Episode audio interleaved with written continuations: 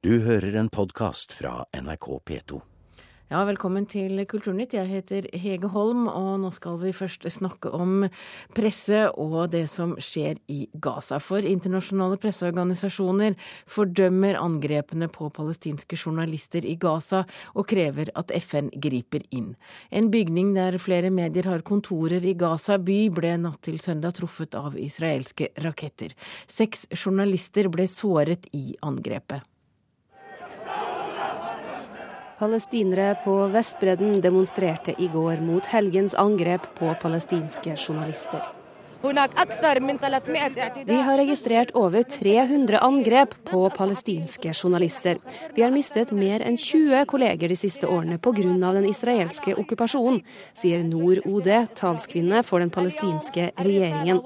Dette er angrep på ytringsfriheten og pressefriheten, sier hun. I Jerusalem peker oberstløytnant og talsperson for den israelske hæren Avital Leibovic på en plansje som skal vise hvor bombene falt. Hun sier at de angrep bygningene fordi de hadde kommunikasjonsutstyr på taket som tilhørte Hamas.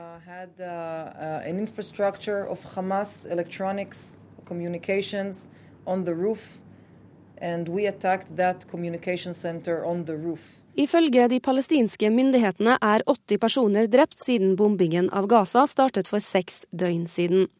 De to mediebygningene som ble angrepet, har huset internasjonale mediehus som britiske Sky News og Al Arabiya. Nå fordømmer internasjonale presseorganisasjoner angrepene. Den internasjonale journalistføderasjonen krever at FN griper inn, sier Thomas Spence fra Norsk Journalistlag Israel har ønsket å eh, stanse rapporteringen av hva som skjer inne i Gaza nå. Vi husker fra den forrige krigen i Gaza at journalister utenfor ble nektet eh, adgang inn, og verden utenfor var helt avhengig av at journalister som er bosatt, som opererte i Gaza på forhånd, kunne fortelle om de lidelsene som sivilbefolkningen ble påført. Ja, da jeg sa nestleder i Norsk Journalistlag Thomas Spence til reporter Eirin Venås Sivertsen.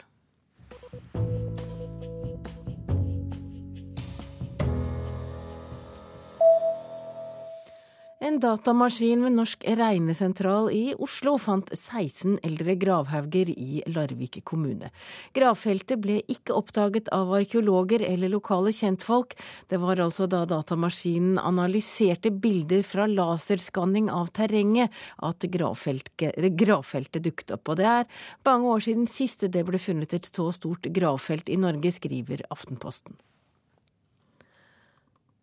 Justin Bieber ble kåret til årets artist under utdelingen av American Music Awards i natt. Tenåringsidolet fikk også prisen for beste mannlige popartist. American Music Awards er en publikumspris der vinnerne stemmes fram over internett. Og så skal vi til USA, for i natt norsk tid deles de internasjonale Emmy-prisene ut for 40. gang. Stein Winge, som er nominert i klassen Beste mannlige skuespiller, sier det vil være en sensasjon for ham om han vinner. I går kveld deltok 71-åringen på en presentasjon av de nominerte i New York. I would like to welcome you all to the 2012 International Emmy World Television Festival. Det ønskes velkommen til celebert møte med de nominerte skuespillerne til årets internasjonale Emmy-priser. TV-bransjens svar på Oscar-utdelingen.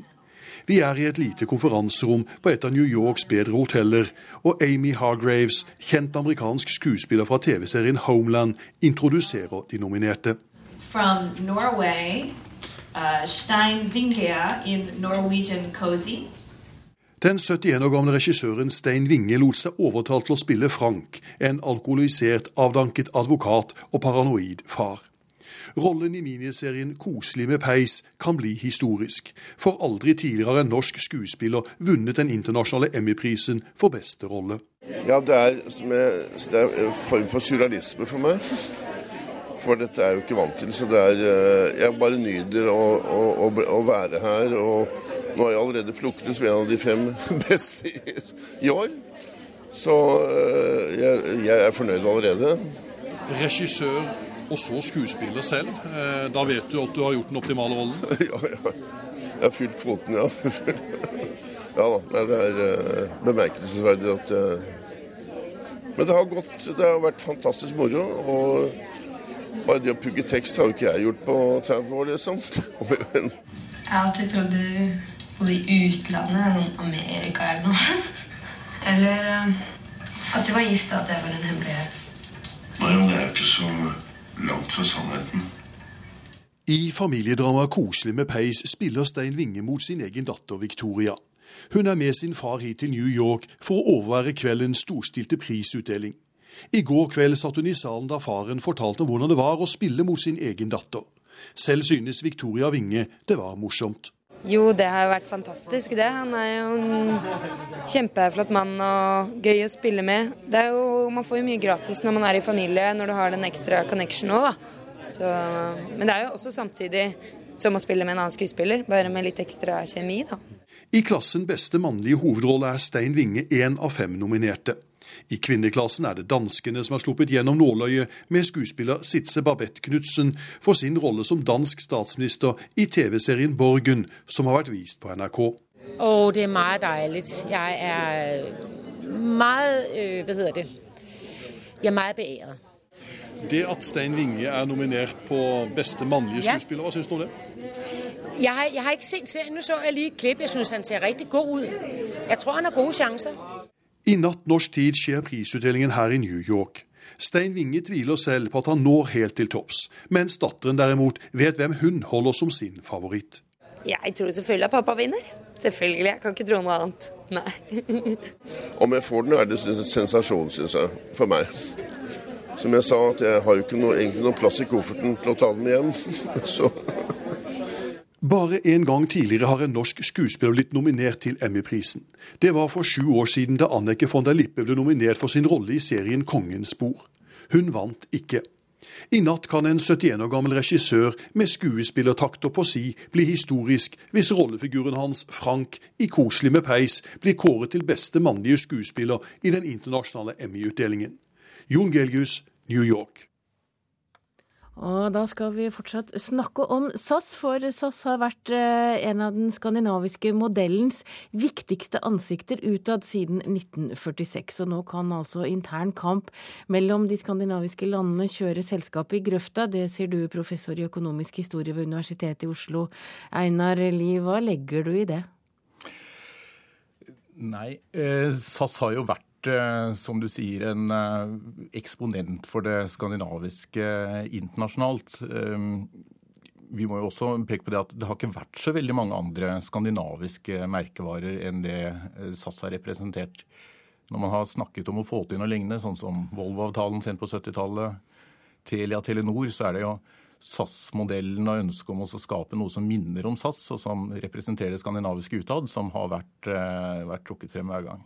Ja, hvordan har SAS preget den moderne nasjonsbyggingen? Ja, det er Luftfarten har jo generelt vært, eh, vært veldig sterkt. SAS kom jo til ved at de nasjonale flyselskapene i Norge, Sverige og Danmark eh, tenkte at de selv og på egen hånd var for små og for svake til å bygge et internasjonalt flyselskap med internasjonale flyvninger. Så kom SAS inn der. og siden så ble det jo, som vi kjenner det, også nasjonale og, og, og, selskaper som fungerte internt i Skandinavia. Og Der har det naturligvis vært veldig viktig. De nasjonale rollene ville nok vært fylt på, fylt på en annen måte. Men, men, det har jo vært et spesielt skandinavisk særdrag i måten selskapet har eh, etablert seg på, og særlig profilert seg på. Da. Nå skal vi høre et historisk kutt fra 1954. Det er i øyeblikket søndag kveld den 14. november, lokal tid her i Los Angeles. Og nå venter vi på det øyeblikket at ruten skal døpes av filmskuespillerinnen Sid Charis. Her i Los Angeles er hun en oppgående stjerne. Og når champagneflasken nå om et øyeblikk er blitt knust, så vil hun også få seg overrakt en sølvskål til minne om begivenhetene. I christen thee Royal Viking. Ja, her hørte vi fra avdukingen av polarflyet Royal Viking fra Los Angeles i 54. Flyet ble også døpt av Hollywood-skuespillerinnen Syd Sherris fra filmen 'Singing in the Rain', blant annet. Og fra oksehalesuppe og glamorøse avdukninger til, eh, av nye fly til eh, det mer alminnelige, for eh, luksus det er det ingen som betaler lenger for i lufta. Hvorfor det? Nei, Det har skjedd veldig mye i luftfarten på et par-tre tiår. Eh, dette er jo glimt tilbake fra den virkelige storhetstiden hvor, hvor man kom til Amerika på en dag, ikke sant? Og, og, luftfarten var eksponenten for det fremtidsorienterte og internasjonale. Eh, det er jo blitt alminneliggjort av flere ting. Jeg tror den store skrellen som man fikk i europeisk luftfart, var da EØS-landene fjernet det tunge konsesjonssystemet, hvor alle kunne operere fra alle byer. Da kom også amerikanske selskaper inn, som var vant til en veldig mye hardere konkurranse enn det man var i Europa, og kanskje særlig i Norden, med lavere kostnader. Så i neste trinn så fikk man jo da revolusjonen gjennom lavprisselskapene. Ryanair var eksponenten for det, som kom inn med en helt annen kostnadsbase. Men, men hvis vi holder oss litt til historien da i 1946, når, når man da dannet SAS, hvordan var styrkeforholdet mellom Norge, Danmark og Sverige? Det var, altså Svenskene kom tyngre inn på eiersiden. Eh, da SAS ble etablert, så ble dette diskutert i hvert enkelt land. I Sverige var alle for dette. I Danmark så stemte vel kommunistene mot. Men i Norge så var det en veldig stor motstand på den borgerlige siden. Og det var pga. at eh, bl.a. at man mente det var mye svensk. Det var også mye stor internasjonal politikk i dette. Men dette som man stadig har hørt om også fra nå dansk flyver- og kabinpersonale, at SAS står for svensk alt sammen, det tror jeg opprinnelig kom fra, fra Dagbladet i diskusjonen i 46-47, som en skepsis mot en for tung svensk dominans i dette. Jeg må spørre deg til slutt, Einar Lie, hva tror du vil skje med SAS? Ja, Hva som vil skje i dag og i morgen, det skal jeg ikke gjette så mye på. Men det går vel i retning av at man finner en løsning. Men mange av de grunnleggende problemene som SAS står oppe i nå, og problemene med å håndtere dem, har vært ganske like i løpet av et par-tre tiår og er knyttet egentlig til en tung og krevende kostnadsstruktur og en veldig vanskelig organisatorisk struktur mellom de tre landene. Så jeg vil ikke ha de store optimistene på lang sikt, i og med at man har sittet med de samme problemene og blitt trukket ned av dem over veldig lang tid. Takk til deg, du er altså professor i økonomisk historie ved Universitetet i Oslo. Da skal vi snakke om noe helt annet. For eh, hvem hadde trodd at Harry Potter-idretten rumpeldunk ville bli en eh, virkelig idrett? Det har det blitt. Nå flyr eh, rumpeldunk ut av bøkene og filmens magiske verden. Den er kommet til Norge. I USA er det på få år etablert flere hundre lag, og den raske framvoksen beskrives som bemerkelsesverdig. Ved NTNU i Trondheim er det første norske laget i full gang med trening. Rooms up, opp med kostene, lyder startsignalet. Med et stramt grep om sopelimen mellom bena stormer de sju studentene mot ballene som ligger midt på banen. Den store ballen gir poeng når du treffer innenfor en av de tre målringene. Med de mindre ballene kan du ta ut motstanderen. Rumpeldunk er en miks av mye, forklarer geologistudent og initiativtaker Bergljot Kulsrud Storhuste. Det er eh, stort sett preget av rugby. Veldig inspirert. Og si, det er litt forskjellig. Kanonball i stor grad, og ja, skal si basket eller håndball. Det er egentlig litt sånn generell eh, ballsportspill. Kombinert. Med kosteskaft? Med kosteskaft, selvfølgelig. Ikke minst med kosteskaft. Harry Potter I Harry Potters verden flyr spillerne på sopelimen, og kampen er over når man fanger en liten bevinget ball kalt Gullsnoppen. Den virkelige verdens triste fysiske begrensninger omgås med kreativitet, gjemsel og en nøytral spiller. Denne personen får deg et, eh, en sokk med en tennisball eh, festet til eh, ja, shortsen eller hva det nå er, eh, som da løper vekk fra banen for et treminutters forsprang eh, ca. En på hvert lag skal da prøve å finne denne personen. Uh, og når denne da ballen som er i den tennissokken, er fanget, da er spillet over. Kuriøst? Antageligvis, men også mer og mer populært. NTNU-laget er det første norske som trener regelmessig og er registrert av det internasjonale Rumpeldunk-forbundet. Ja, det finnes faktisk et slikt forbund, og særlig ved amerikanske universiteter har sporten vokst seg stor på få år, fastslår NTNUs Kai Haugenshaw, som spilte flere kamper som utvekslingsstudent ved Berkeley. Jeg tror det er rundt en 300 lag. Det var 96 lag som eh, møtte opp til VM, så det er rimelig stort. Og i USA, hvor det er ganske mye større enn her i Norge, da, så er det jo faktisk eh, er det nesten et problem at det er atletene som tar over sporten. Allerede er det blitt arrangert flere verdensmesterskap for lag. I sommer møttes for første gang fem landslag til turnering i England. Potensialet er stort, mener spillerne. Harry Potter-fan og førsteamanuensis Lars Tore Rognland ved Norges idrettshøyskole er enig. Det ser morsomt ut. Og det er ikke statisk i det hele tatt. Og det er veldig, veldig, veldig sammensatt og komplekst og mange muligheter. Det har helt klart veldig store Altså det kan utvikle seg i mange retninger. Man kan bli god på mange forskjellige måter. Man kan skåre poeng og mål på mange forskjellige måter. Rongland er også enig med det amerikanske magasinet Time når de bruker ordet 'bemerkelsesverdig' for å beskrive sportens raske vekst. Det helt avgjørende for at om det fortsatt skal vokse, er at det faktisk er gøy å spille det. Og hvis det skal bli en, bli en stor idrett, så må det også være gøy å se på det. Men to jagere og en eh, knakker? Kanskje ja, det kunne egentlig funke, det. Ja. Eh, knakkerne skal eh, bruke de, disse klabbene til å De skal kaste på eh, motstanderen. Det kan være hvem som helst. Klabb er en ball? Klabb er en ball. Rumpeldunk-begrepene er enn så lenge ikke like innarbeidet som hens og offside her til lands, men flere lag er nå i startgropa, bl.a. på Raufoss og på Universitetet i Ås.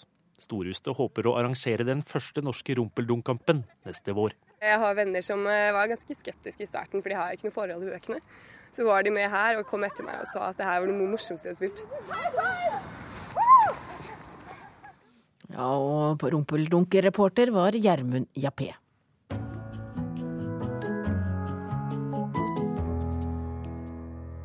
Marita Fossum debuterte i 2002 og fikk Brageprisen for sin tredje roman 'Forestill deg'.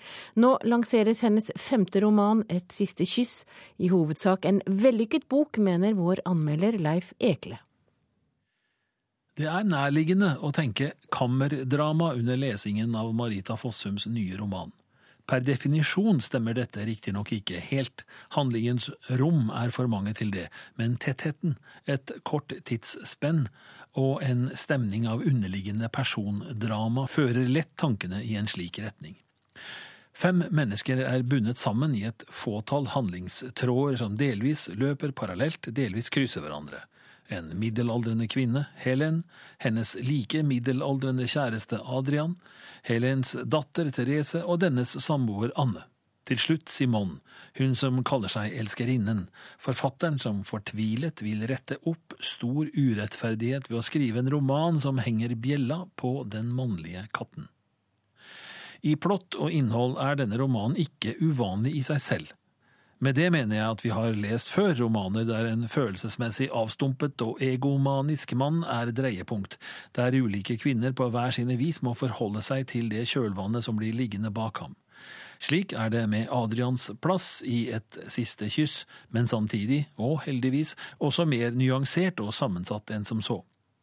At Adrians første hustru visstnok døde for egen hånd, er én ting, men det har andre i denne romanen også gjort, og hva fikk det å si for de næres evne til å leve trygge liv, voksne som barn? Marita Fossums prosa bidrar sterkt til å formidle handlingen på en visuell og samtidig ukomplisert måte som tjener formålet godt. Teksten klipper effektivt mellom menneskene og stedene deres ettersom kronologien flytter seg langs den korte tidslinjen. Dette skjer på en måte som mer enn én en gang får meg til å tenke at det kan bo en film i denne romanen, og det uavhengig av en thrilleraktig komposisjon som virker mer anstrengt enn vellykket, for ikke å si nødvendig. Den kyniske mannen der han harver over menneskelivene rundt seg, fritatt for ekte empati og problematisering av egen rolle, er et takknemlig objekt for litterær behandling, og det er ingen fare for at vi har ham nå. Litteraturen har rom for fler. Min viktigste innvending underveis i lesningen av Et siste kyss var allikevel knyttet til romanpersonen Adrian, til om figuren er psykologisk holdbar i ett og alt, han er tydelig og frastøtende på det beste, som når han gir uttrykk for at medlidenhet er en egenskap han forbinder med selvforherligelse, og som gjør ham kvalm. Det forhindrer ikke at det skremmende mennesket i noen partier også blir overtydelig i all sin kulde, og slik står i fare for å tippe over i klisjeen. Viktigst er allikevel at Et siste kyss er en engasjerende, kortfattet og innsiktsfull roman som holder leseren på plass i sitt drama hele veien. Hvorfor sympatiserer vi med Tony Soprano og Dexter, som krysser utallige moralske grenser? Forskere ved NTNU har undersøkt hvorfor vi får sympati med antihelter som både dreper og torturerer. Please, Tony, I'm begging. Hello from hell, you fuck. For han blir jo framstilt på en måte som viser at mennesker er det mennesker. Selv om han er en tøff jævel, så sliter han òg. Han har jo åpenbart ei myk side, da. Og omsorg for de som, eh, som står han nær, da. Flere hundre millioner seere har latt seg fascinere og sjokkere av TV-serien 'Sopranos'. Den korrupte, deprimerte familiefaren og mafiabossen Tony Soprano begår ekstreme handlinger. Drap og vold er dagligdags. Men som seer får du sympati med Tony. Det sier Margrethe Våge, forsker ved Institutt for kunst og medievitenskap ved NTNU. Det er mange teknikker de bruker innledningsvis for å få oss med på det. Tony Soprano han menneskeliggjøres i veldig stor grad. Vi møter han først som deprimert, eh, han har angst, det er familieproblemer. Det er mange ting som vi kan kjenne oss igjen i, som de, som de bruker for å, for å, bygge en sånn sympati i første omgang. What does she have that I don't have? I did not carry on an affair. Fortellinga konfronterer deg på en måte. Nærmest rister liksom Tony Soprano foran deg og sier er det virkelig han her du sympatiserer med? Um, uh, og jeg tror det gir en sånn merverdi for tilskueren. Og at det er helt, uh, det er helt intensjonelt fra film, fra, fra skaperne sin side. Mm. At, uh, at, vi får en sånn refleksjon i tillegg til engasjementet vårt. You think this ends here? It doesn't! It does for you.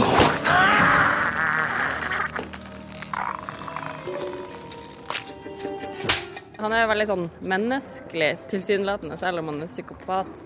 Eh, fordi at han rettferdiggjør det jo med at de har fortjent det.